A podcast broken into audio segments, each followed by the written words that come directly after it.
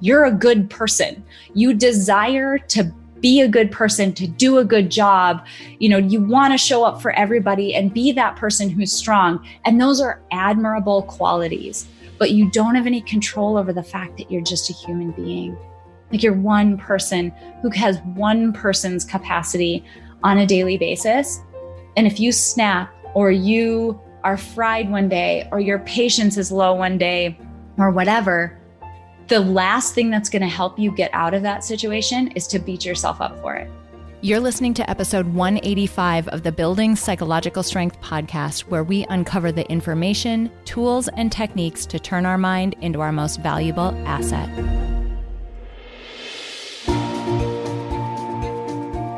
The courage to face fears with persistence. Being able to be present enough in this moment to choose my response thoughtfully. We have the strength to bend to life stressors, to bend to adversity without snapping, without breaking. There are only six things that contribute to our quality of life, and they are all experiences. In every moment, we are deciding who we want to be and how we want to live our lives. Noticing what your brain is doing and then being able to make choices mobilize the things that we know lift us up. Hey, everybody, welcome back to the Building Psychological Strength podcast. My name is April, and I'm your host, and I'm excited to be joined by my co founder in Peak Mind, Ashley Smith. I'm pumped I'm you're here. To be here. Yay. Well, this is interesting because I'm just going to dive right in. We have a lot today, and so I'm not even going to get to any of the blah blah in the beginning. I'm just going to go for it. Something that this you may not realize if you're in this audience is that a lot of the topics that we cover, lots of times they come from you. We'll hear from you directly. Maybe you email us or message us. Maybe it's a DM on social media. Or maybe I just see someone out in social media or out in the world who feels like they kind of fit in with our podcast community and our audience and they express a concern that they have or a need that they have and so we address it on the podcast and the nice thing about having a medium like this that we control is that we can pivot pretty quickly and pick up a topic that people might be struggling with mm-hmm.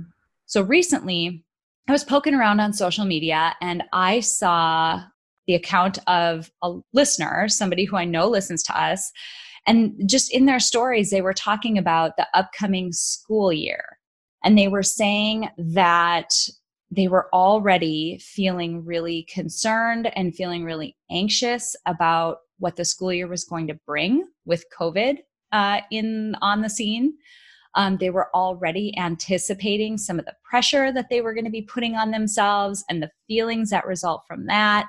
And it just kind of went on and on with some of the concerns that I could imagine a lot of people in this audience had. Right. So we solicited some feedback out in the social medias. We got some amazing feedback back from people that basically confirmed there is a lot of worry out there. And so, really, that's the reason why we're creating this episode. We wanted to rapidly pivot make sure that we created a resource for you because there are aspects of psychological strength that can really help during times like what we're all facing. Mm-hmm.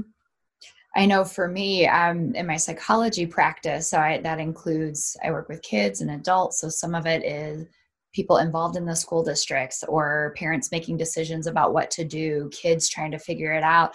It's it's a rough time, and it, everything is in flux right now and people are really struggling to figure out what to do. And to me it almost seems like there was the adjustment during the initial covid and shutdowns. And then you kind of adapt right? And then especially as summer came it's like okay we kind of hit our groove but now we're up we're up against another challenge again right? Like things are changing and should they change and how and and how do we navigate this? So it seems like a really timely topic. Yeah absolutely.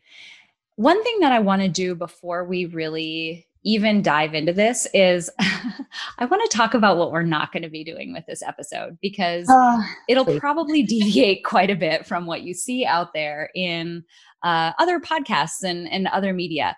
This episode is not going to be 10 ways to force your mind to think positively or five ways to juggle everything on your plate and do it all with perfection or here's how you can craft the perfect bubble bath and melt all your problems away. yeah, we're not going to be talking about anything unrealistic like that. Our goal at Peak Mind is always to operate inside reality. And the fact is, life is sometimes hard. Yeah, and and no amount. I mean, we can certainly talk about being positive in bubble baths and self care. I mean, we did talk about self care a few episodes back, and and our take on that. Why it's not just bubble baths, but sometimes life really is hard, and we need to be prepared. It would be like the equivalent of saying, "Hey, go run this marathon. It'll be awesome. You'll love every minute of it if you're doing it right." No, it's hard it's hard and it's about having the strength and the stamina and the endurance and the resources and tools to get through it to navigate it as smoothly as possible and this is no no different. That's what we need to be I, I think thinking about and talking about is how do we take things as they actually are?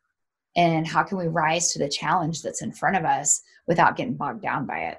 Mm-hmm.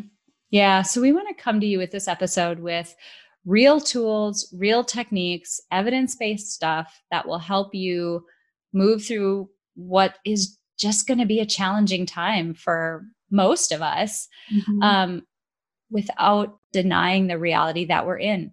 It's it's just let's call it what it is. The situation is really hard. Mm-hmm.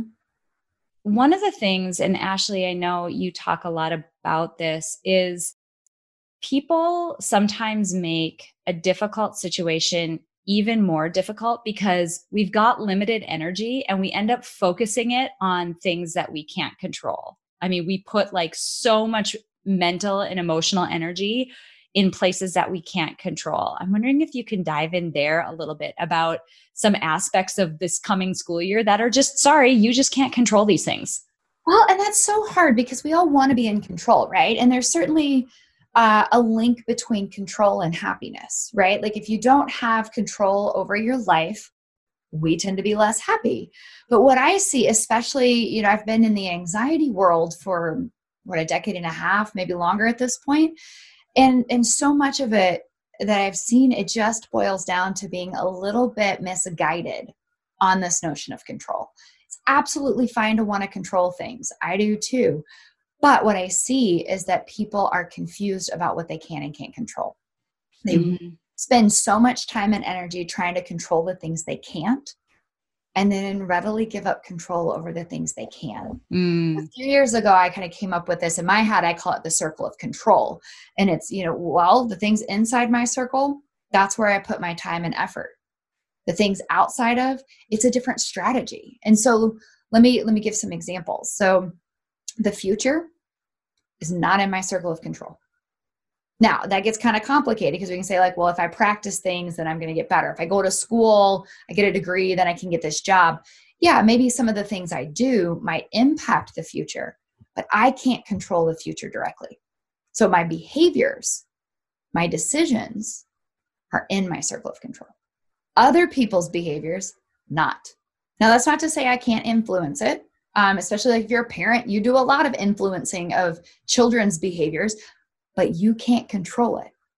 I'm sure you guys can think of examples of trying to make your kid do something or not do something and getting really frustrated because it didn't work out. It's not in your circle of control. Thoughts and feelings, other people's, not yours. We spend a lot of time trying to control other people's impressions of us. That's not really in my control. Now, again, I can influence it. So it's not always this black and white. Like, April, if I walked up and kicked you in the shin, you're probably going to think something negatively about me. All right. Maybe I caused that, but it's not a 100% in my control, meaning that I am in charge of the outcome, that it is in my capability, within my power, within my authority. So we need to get clear on that. Yeah. And this is a, this time in particular, oh, can I go back to thoughts and feelings for one second? Because I yeah. want to be really clear on what goes inside your circle of control. Because a lot of people are like, well, your thoughts and feelings, those are yours to control. And I would argue that it's a little more complicated than that. Because if I tell you, just don't think that way, just don't think about chocolate cake, what'd you think about? Mm-hmm. Cake, right? Don't be sad. Okay. Sometimes thoughts and feelings come up because you are a human with a brain, and so much of that is out of your control. It's that subconscious. And I know we talk a lot about all of that stuff that goes on in your brain behind the scenes. What you can control is what you do when those thoughts and feelings show up. Mm-hmm. That's psychological strength. Mm-hmm. So, in this particular context, as we're moving into the school year, mm-hmm. to get super specific, you as a as an individual person the situation is not inside your circle of control. You can't control the fact that covid exists. It does.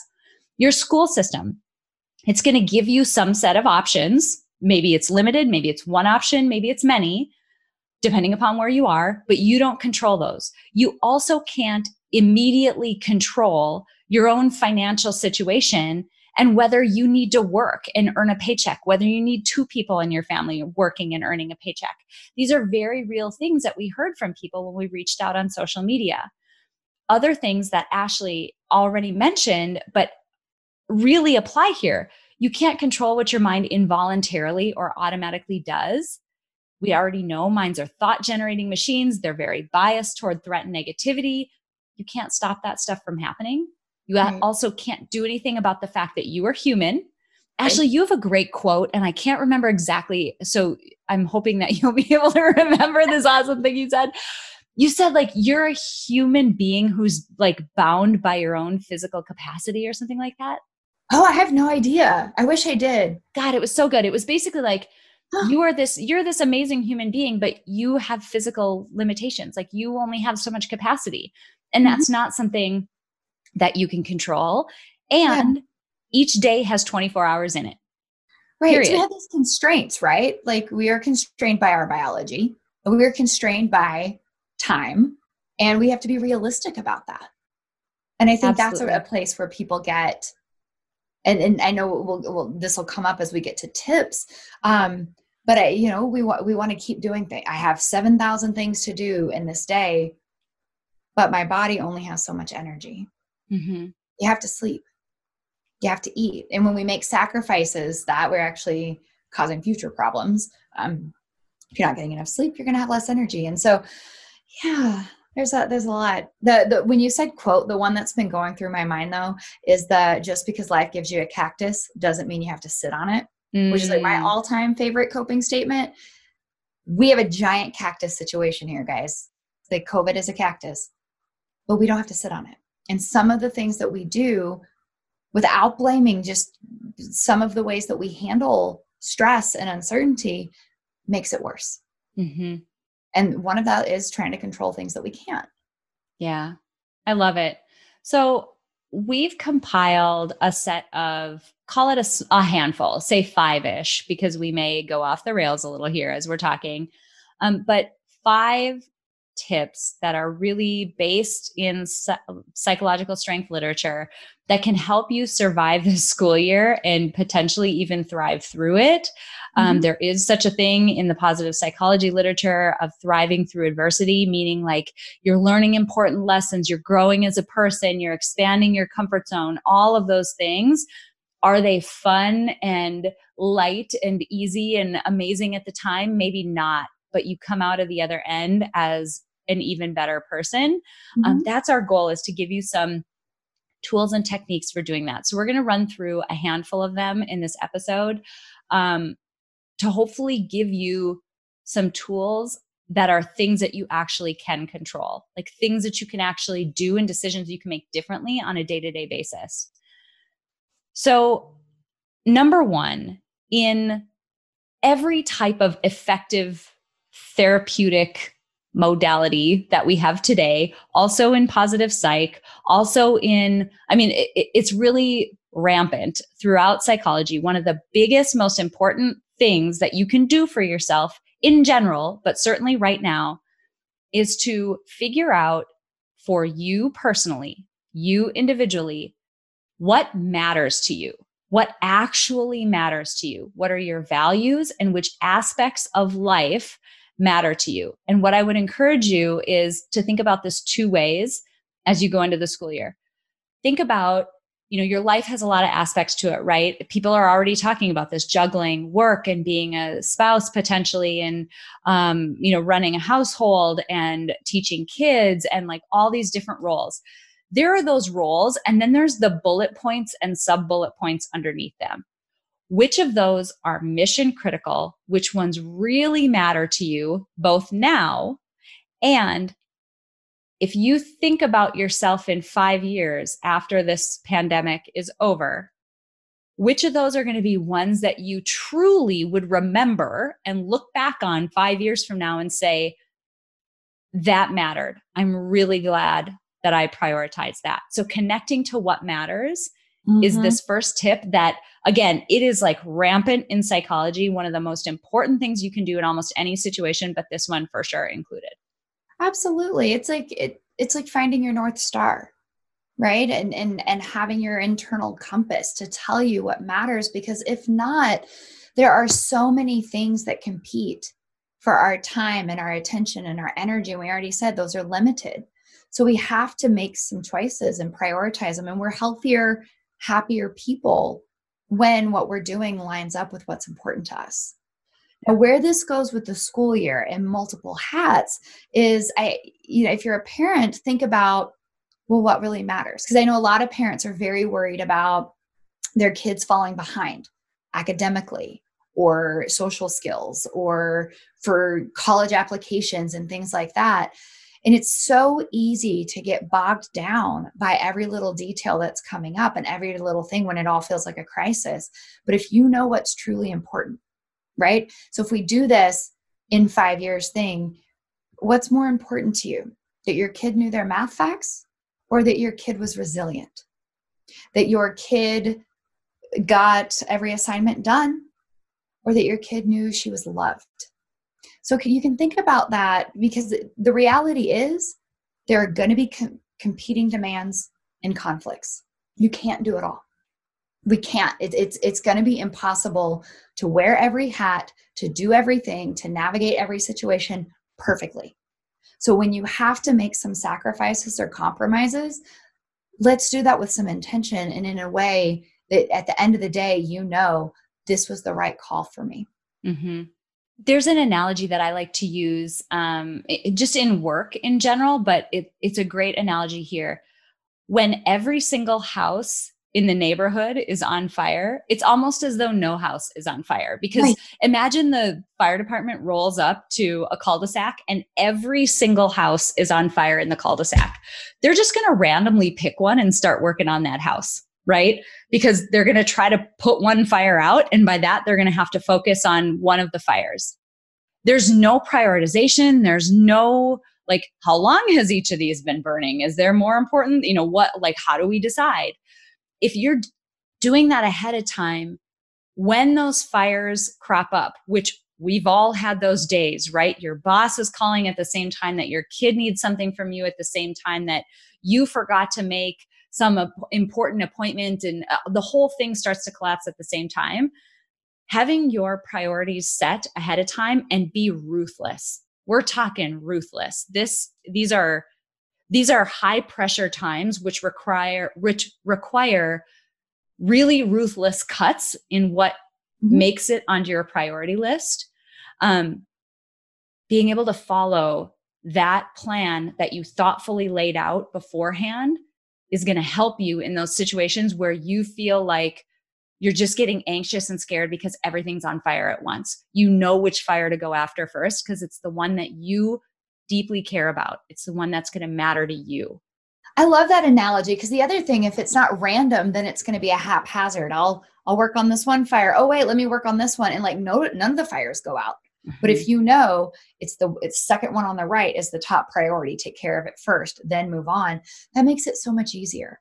Yeah. And it also makes me kind of think about the idea like that, uh, like a ship in the ocean. And if you don't have a course, that you're following with a destination in mind, you're just going to get blown around wherever the storm takes you. And that, okay, it's the same thing. And that's why I think there is so much push in, in psychology and has been that that's been when I look at the field of psychology and how it's changed over time from Freudian analysis to behaviorist to, you know, current, one thing that has stayed consistent is the do what matters. Find your values. And we talk about it differently. and Like different people talk about it differently, but it's this having a sense of of what matters to you so that you have some sort of guide direction yeah so tip number one connect to what matters now think about how you might look back on this in 5 years and will that thing have truly mattered will it will it have actually made you meaningfully think differently about how you handled this situation? And if the answer is no, I would really question. And we're going to get to this again as like a tip in and of, in and of itself, but I would really question whether that needs to make that ruthless list of priorities that you're going to take on during this time. I want to throw one piece in because I love you, you've talked about like you get your post-it note Oh yeah, yeah, yeah. And I think that's I love that because April's pretty brutal about you get a pro, a post-it note, and that's where your priorities go. Your priority people or your priority um, demands, and that's it. One and yeah. not a big post-it note, like the, the little ones, and that's it. So that's the really. I know the first time I heard you say that, it made me think a lot about okay, what really is a priority because it's easy for everything to feel that way. Mm-hmm. Yeah, and it's also easy for something that falls more squarely as a priority on someone else's post it note to somehow feel like it should invade yours. So, again, ruthless times, guarding your own sanity. That's really what we're talking about here. I'm not talking about not being compassionate and helping others and whatever, but you have to think critically about how much capacity you have. You cannot control the fact that there are 24 hours in a day and you are a human being. And that's that's just the situation that we're in. Tip number 2, and this I I want to speak directly to a specific set of people at this point. Tip number 2 is to honor the choice that you're making not the choice that you wish you could make. And I'm going to give a specific example. Many of us, as the school year approaches, will find ourselves in a position of having to work from home or work outside the home. We're going to need to continue working for financial reasons. And our, that may impact the decisions that you make about whether you send your kids to school, whether they homeschool and how, all of those decisions. What I want you to think about is what decision are you actually making? So let me give you two scenarios. You might be in a family who has one income earner that is extremely large. Like, let's say one, you're in a two income household, one of the incomes is exceptionally large. And that means that you have the choice for one person to say, you know what, I'm going to take a pause for this school year. This is too hard. I'm not saying you should do this. I'm just saying this is one way you could handle it or one choice you could make if you're in this situation. Make a lot of money. We can afford for one of us to take a pause for everyone's sanity and for the sake of balance. One of us is going to take a pause. We're going to focus on keeping the house running, getting the kids through school, and that's the choice we're going to make. The choice you made is I'm choosing to take a pause on my career in order to focus on schooling our kids. That's one scenario. A second scenario, let's say you have a family that is a two income household and you need both of those incomes. Now, here's where I really want you to listen. You need both of those incomes. If you're in a situation where you could send your kids to school or not, or whatever, what could happen is you could be faced with a situation where, you know what, we need my income. We need my income to pay bills. We need my income to buy groceries. We need my income to support our lifestyle. We just do. We need it. This is the financial situation that we're in. And therefore, I can't do as good of a job focusing on homeschooling our kids or, or virtually schooling our kids. Or maybe we have to send them to school. The choice you are making is to choose to continue to provide for your family. The choice you're making is to continue to feed your family. The choice you are not making, you are not choosing your job over your kids. And this is where it's important. Honor the actual choice you're making, not the one you wish you could make. Of course, everyone wishes they were independently wealthy right now and didn't have to worry about some of these difficult things. That's not the case. So do not beat yourself up and allow guilt to, you know, sneak in there because you're holding yourself to a standard of a choice that wasn't actually one that you got to make in the first place. Right. If that makes sense. No, it make, it makes total sense. And, and it's something I find myself having a lot of conversations right now too, sort of along this line, uh, like how do you make good decisions? And um and a, part of a good decision is also not beating yourself up for it is you know there's the what are the actual choices in front of you i i mean i sometimes it's like yeah i want option d okay but d is not a choice in front of you it's a b or c mm-hmm. that i can't control what options are in front of me just what i choose. So um, like yeah d is independently wealthy and i can hire a private tutor for my kids. Cool. If that's not a choice in front of you you look at a b and c. You make the best decision you can based on the information available at this time. And that's it. And you honor that choice. And you honor that choice. And when things change you go back and then you make another decision. And I think that also kind of gets with making choices during this uncertain time as things might change. Mm-hmm. And your decision might change. But for now, what are the actual choices in front of you?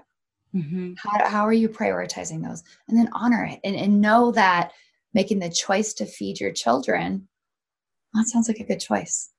It does. It does. And most people would pick that.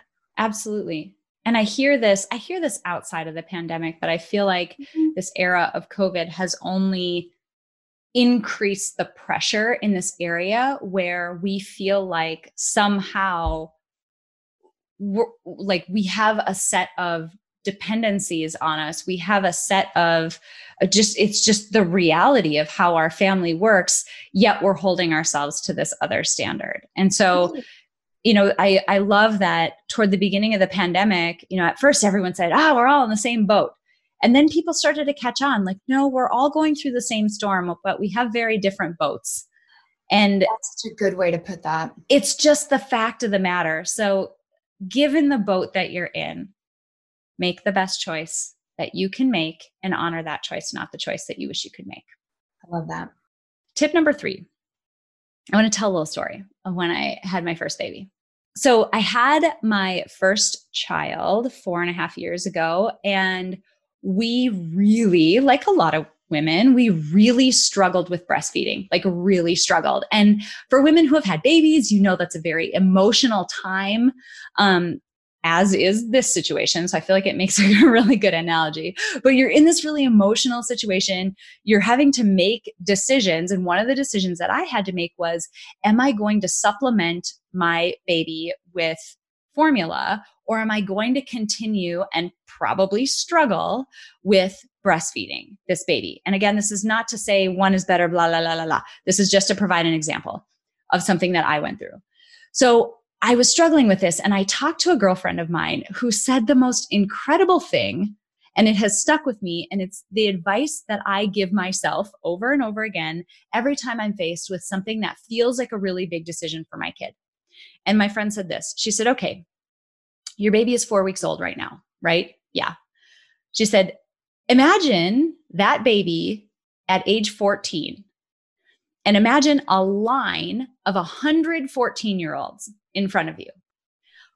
What degree of accuracy do you think you would have if you had to pick out which one of those 14 year olds was supplemented with formula? How good do you think you'd do?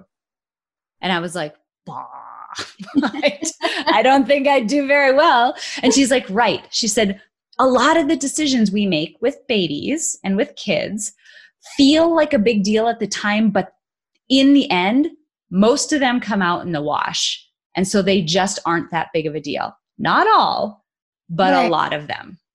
I love that because I mean, from there's so much pressure, right? And decisions feel so big, but honestly, very few decisions are life and death.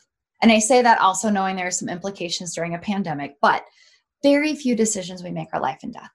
And when it comes to our kids, yes, your decisions matter. as a parent, you know, what you do and how you respond to things. But I remember being at a dinner with a former supervisor of mine. I, I interned at a children's hospital, and this was post graduation. I had moved back to Kansas City. I was at a dinner with a former supervisor. So, this is a psychologist who has worked in a children's hospital at that point for like 30 years.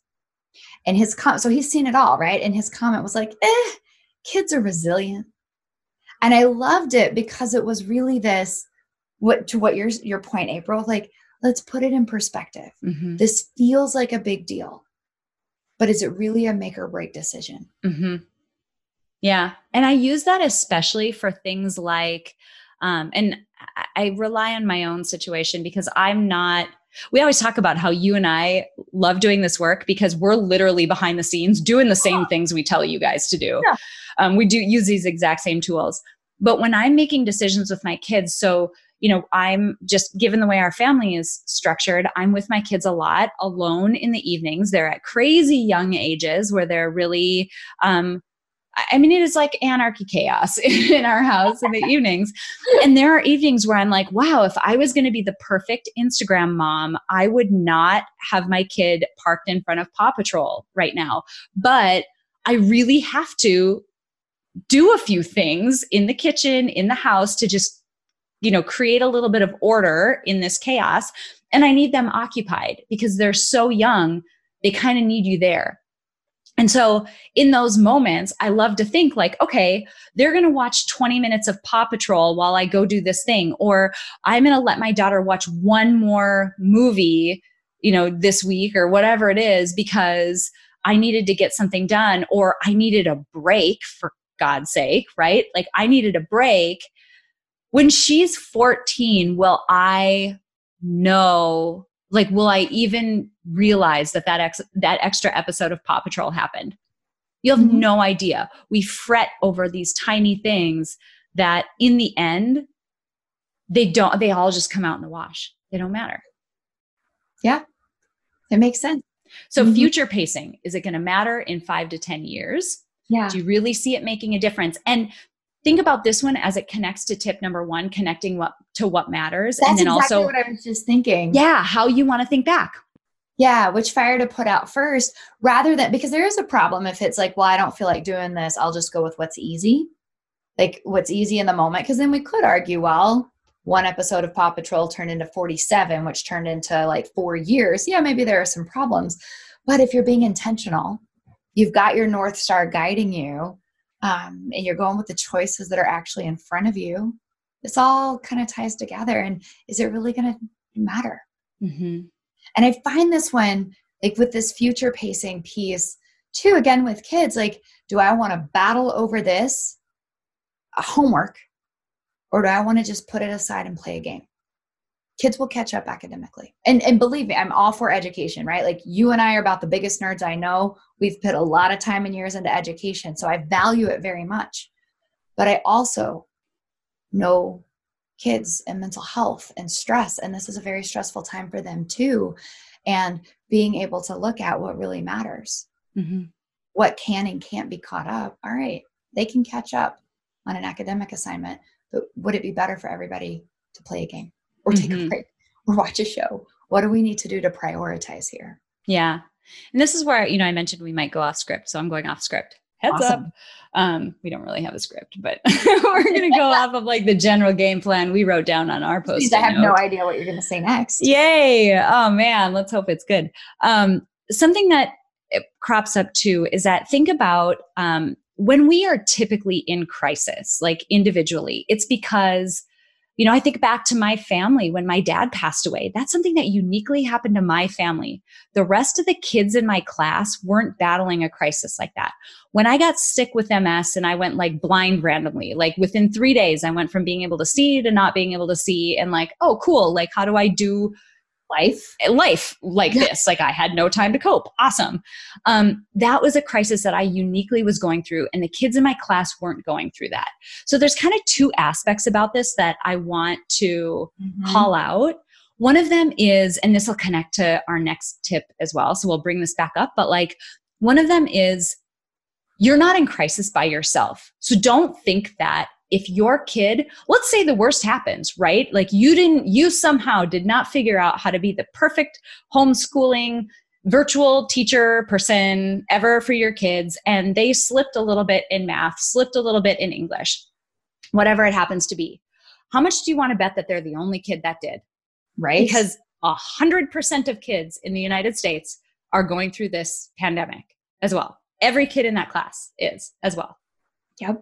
So one side of it is if they're slipping, they are not the only ones. Like we as a society are gonna, this is gonna be longer than this one year. Even when they go back to school, we all just need to like agree that we're gonna come together as a society and support these kids to help them, you know, ease into and ease back into the trajectory that they were on before.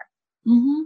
The second piece that I wanna call out is nobody's going to get and we talked about this in our in our live workshops at the beginning of covid nobody's going to get a reward or a medal or some kind of cash payment for how well they handled covid. No one's getting that. You can't win covid. You can't win homeschooling. Like there's mm-hmm. no reason to compare because every kid has their strengths and the things that they're not as good at. Every kid is an extrovert or an introvert, which brings its own challenges during these times. Every kid is good at certain things that require more hands on, or maybe they're bad at those. It doesn't matter. Everybody's on their own unique trajectory here. And comparison and competition it's you're you're not going to win. It's a game that you can't win. There's no game to play here. Yeah. No, I think that's such a good point. And I, I find myself asking the question a lot. Like, let's say it's it's that future casting piece, right? Like COVID's over and you look back on it. How do you want to say, how do you want to feel about the way you handled it? How do you want to say you spent your time? Stressed out, snapping at everybody because you were trying to put out all of the fires at once?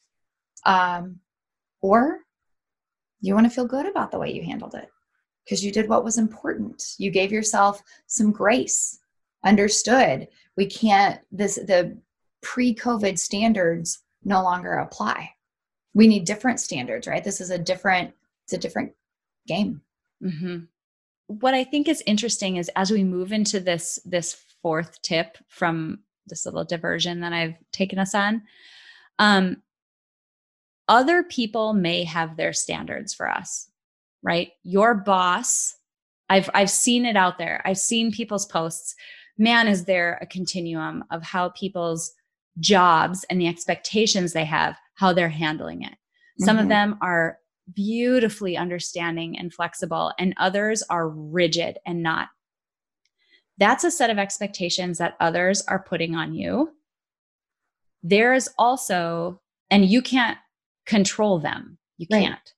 What you can control though is where we're going to get to with tip four how like the set of expectations you put on yourself and how you respond and how you support what you're able to do given the situation you're in and all mm-hmm. of that boils down to self-compassion mm-hmm.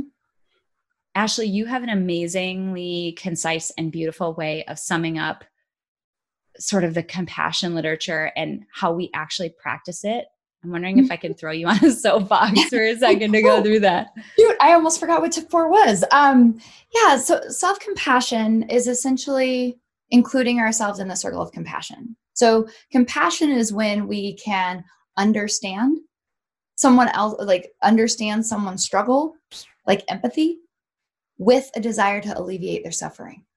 That's compassion, understanding, and a desire to alleviate their suffering. Self compassion is just putting us in that circle. We're people too, right? So when we're struggling, and we're all struggling in very different ways, um, and some common ones, it's really important to be self compassionate. Now, here's what self compassion is not that inner critic. You should be doing more. You should be doing better. They're disappointed in you. You're dropping the ball. Okay, that's not self-compassionate. And, and more so it's not very helpful. And i talk to a lot of people who have very strong inner critics who think that it's helpful mm-hmm. that it's motivating that it helps me succeed and achieve. And i would say okay i get it. But it, imagine that you're an athlete. Which coach is going to get more from that athlete? The coach that's like, you suck, do harder, that's not good enough, that's pushing, pushing, driving. That coach may get results. Or the coach that, that sees that athlete. I get it. Here's where you're struggling. Here's what you can do to be better. You've got this. Keep going. Still giving direction. That's self compassion. So we're going to, the, the pieces of it are one, you got to acknowledge what's really going on if you're trying to shove your feelings down, I shouldn't feel this way. I don't have a right. Some people have it so much harder. Yes, some people have it objectively worse than you do. And you are still suffering. Mm-hmm. Someone else's suffer does not cancel yours out. So, the first part of being self compassionate is just acknowledging what's actually coming up. You got to get real with yourself. This is hard. I'm feeling overwhelmed, stressed out spread too thin, I'm ticked off, uh, whatever it is, acknowledge it. Second piece is you got to connect with common humanity. Those are the terms that we use. What that really means is you are not alone. And so acknowledge that. Like, of course, this is hard because it's a hard situation. Or, yes, anybody in this set of circumstances would be feeling this way. So I kind of think of it as the acknowledge and then the of course. Of course, this is what it is. The third piece is offer a kindness. What would you say to your best friend? What would you say to a child? To someone who's suffering through no fault of their own? What would you say? And we got to say the same thing to ourselves. It's not it's not going to be helpful to say, "Wow, this is really hard. I get it. Everybody's having a hard time, but you should do better." No. No, we got to be real with ourselves. Acknowledge that of course this is hard and here's a kindness mm-hmm. It's such a it's such a simple but really powerful equation. We're mm-hmm. thinking about how we talk to ourselves. What i heard when i reached out on instagram you know I, I reached out and i said hey tell me what the thing is that you are struggling with the most as you think about the school year coming up. And people said things like, I'm going to assume too many roles. I'm going to have to play too many roles, wear too many hats. I'm not going to have time to manage it all. I'm going to have to balance everything. Um, I'm, you know, it's already this. This one just hit me to my core. It's already hard to be a good employee and a good mom. Now I have to be a good teacher too. Uh, all of that was laced with uh, messages around perfectionism and having really high expectations for ourselves and it's just, it's a recipe for failure. You're being put in a situation where if that's the bar, you're going to fail. And then you're going to beat yourself up for failing. Right. And it's one thing. And the, the reason why this happens is because you're a good person. You desire to be a good person, to do a good job. You know, you want to show up for everybody and be that person who's strong. And those are admirable qualities, but you don't have any control over the fact that you're just a human being. Like you're one person who has one person's capacity on a daily basis. And if you snap or you are fried one day or your patience is low one day or whatever, the last thing that's going to help you get out of that situation is to beat yourself up for it. Yeah. It's not going to help. Even from like a neurological standpoint, beating yourself up is going to trigger your that that's a threat, right? Oh, someone is attacking me. That provokes anxiety or a fear response, even when it's I'm attacking me, right? So what, where I'm going with this is that check yourself when you're beating yourself up. How do you feel? It's anxious, it's guilty, it's frustrated. That's it. Mm-hmm. Do, does that help you move forward? Or is that sitting on the cactus? Mm-hmm.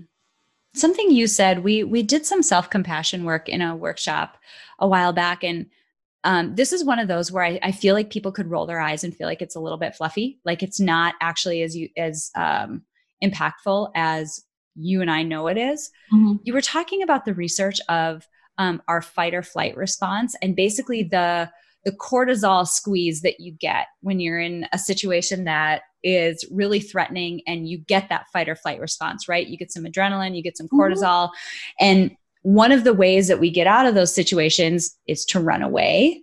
Um, mm-hmm. and that is what that act of like getting away or that act of moving away from something threatening, it sort of down regulates our nervous system. It helps us feel better. We all know that cortisol, adrenaline on a regular basis, it's not good for us chronically. But I, I think I remember you saying something like this compassion equation that you just gave, right? Like acknowledging the situation you're in, connecting to a common humanity and offering a kindness, that equation does some of the same down regulation work. It's some of the same, it like operates on some of the same channels as that fight or flight response in order to help you feel like you are getting over a threat. Mm-hmm. So if you think this is fluffy, like go back to some basic neurological findings and just know that you are acting on that same sort of brain pathway. Yes. That helps you feel safe again. And yeah. that's the whole goal like get away from a threat and feel safe again. Yeah.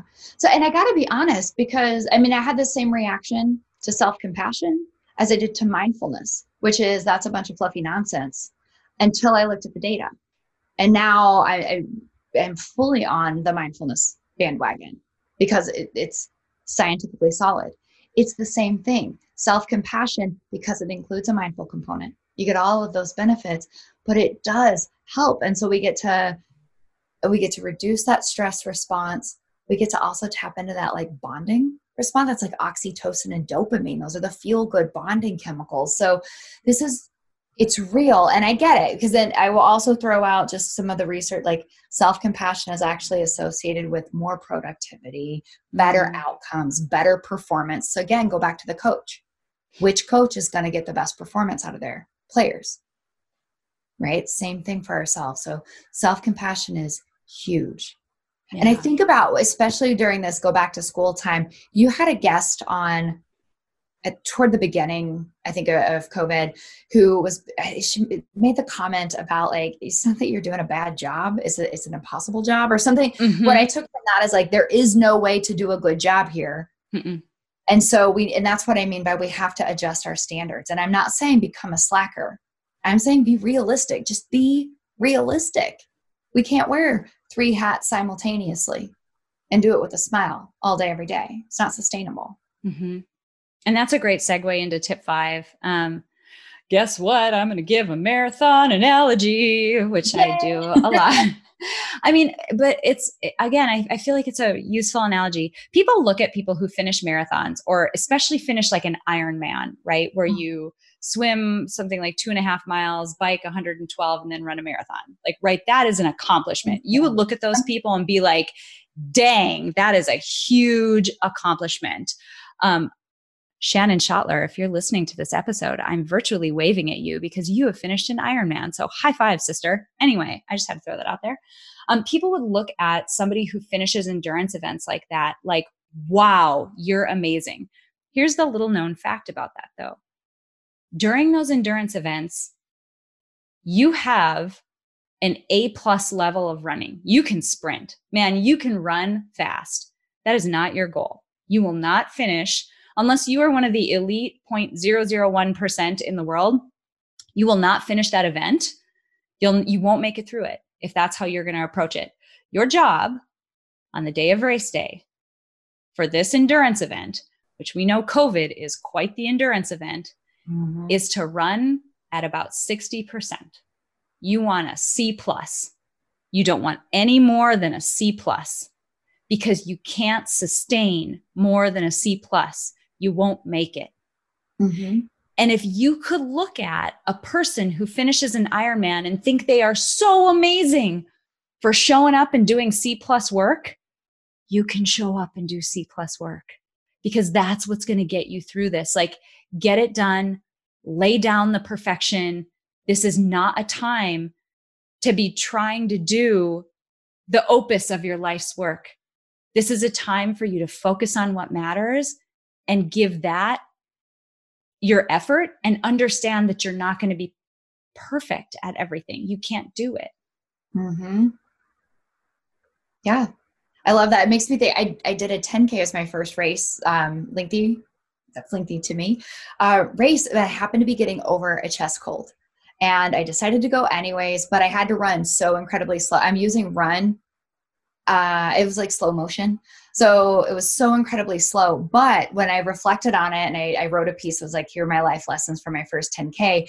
One of them was that um, essentially like that starting out and going slow. I was forced to because otherwise I was gonna have a coughing fit. But that was what actually allowed me to finish and it was very counterintuitive to me because my until that point my plan was to go and run at the rate i normally do for much shorter distances and just try to like plug through it and it was i guess it was just kind of eye-opening to me because it, it just seemed so backward i never would have thought go slow mm-hmm. slow down do less so that i can do it longer and say that that's kind of like a duh but it's so important i think when we're going into a school year when we're when and, and COVID's continuing for. I mean, we're already at it for months.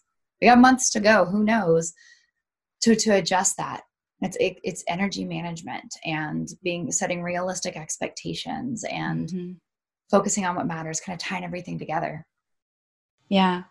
So just to run through those one more time, we talked about tip one being connecting to what matters now, deciding what are your priorities going to be being ruthless about what makes that list and also with an eye to the future looking back what are the, going to be the things that you really did care about like knowing yourself five years from now when you look back what are you actually going to have cared about um, tip two was to honor the choice that you're making not the choice that you wish you could make this one's going to be a really big one because comparison holy cow we really get into that so easily Tip three is to future pace, to think about us way on the other side of this. And did that thing that we were threading, fretting about, did it come out in the wash? And is it likely that it, it really didn't matter in the first place? Because your limited energy needs to only be focused on the things that are going to matter. Um, tip four self compassion downregulate your immune system, allow yourself to feel safe, allow yourself to feel supported. You need it. If you are wearing all of those hats, you have to be supported. And it might be you that has to give yourself that pep talk and be compassionate to hold yourself up. Mm-hmm. And then last, be an Iron Man. Go at 60%. C plus. That's what we're going for. Yeah. Keep yourself going. Don't burn yourself out it's really hard to overcome something like that when you're mid race if you've run yourself out. So reserve mm-hmm. some energy. Don't burn yourself out right in the beginning. Love it. Awesome. Um, those are the five tips that we had for for you guys. Um, I would love to hear from you, particularly as your school year starts to as your school year starts up. I'd love to mm-hmm. hear what you guys are struggling with and what we can do more importantly to support there's a couple of things that we can do here um, if we hear that people are struggling with a particular topic that we could teach on maybe we'll hold a workshop if there is a particular expert that we might be able to bring on who could speak to something that you're struggling with we could go seek out that expert. There's a lot, we could do more podcast episodes on it. There's a lot of options that we have in order to support this community. But the biggest thing we want you to know as we close out this episode is that that's our goal here is to support this community. We come on here with these podcast episodes, we pick our topics because we know they're ones that you guys want some help with and want another opinion or another perspective on and you guys matter. So, I mean, reach out to us, whether it's on Instagram, whether it's through our website. Um, we can drop our contact page in the episode description of this episode. Um, reach out and let us know what we can do. Any final words? I think that's a good place to wrap up for today. I love it. All right. Well, no matter what, guys, just know as this is going, this cannot last forever. We will get through it you are doing an amazing job. It's hard because it's hard. It's not hard because you're doing a bad job. And everybody is truly in this same storm, even though we're all facing, you know, slightly different um, circumstances as we go through it. So do not be a stranger. Reach out to us. Take care of yourself. You're doing great. And we'll see you back here next week for another episode. Thanks so much. Bye, guys. It's a simple fact that nearly everyone in the world could benefit from building psychological strength, but not everyone will put in the time and effort to do so. But today you did. Thank you so much for listening to this episode of Building Psychological Strength. Now, if you're interested in building the mental toughness, confidence, and resilience you need to thrive through life's ups and downs, visit us at www.peakmindpsychology.com. Also, if there's someone in your life who could benefit from this episode, please share it with them. And if you yourself found this episode valuable, meaning if you took away even one insight that you can use to build psychological strength in your own life, we would so appreciate it if you would drop us a rating and a review on iTunes. The thing is, the more ratings and reviews we have, the easier it is to get this powerful and important content out to the people who need to hear it. Remember, your mind can be your most valuable asset or your biggest liability, and you get to choose. So choose wisely, my friend. And I'll see you next time on Building Psychological Strength.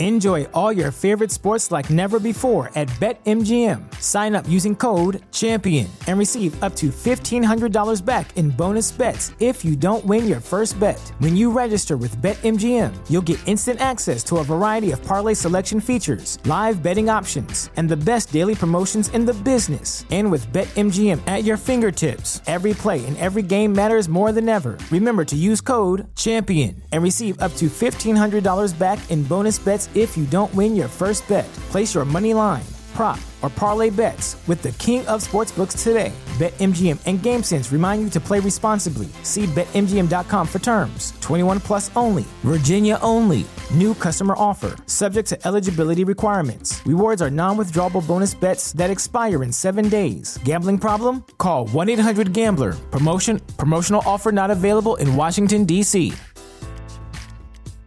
At Parker, our purpose is simple. We want to make the world a better place by working more efficiently, by using more sustainable practices, by developing better technologies. We keep moving forward. With each new idea, innovation, and partnership, we're one step closer to fulfilling our purpose every single day. To find out more, visit parker.com/purpose. Parker, engineering your success.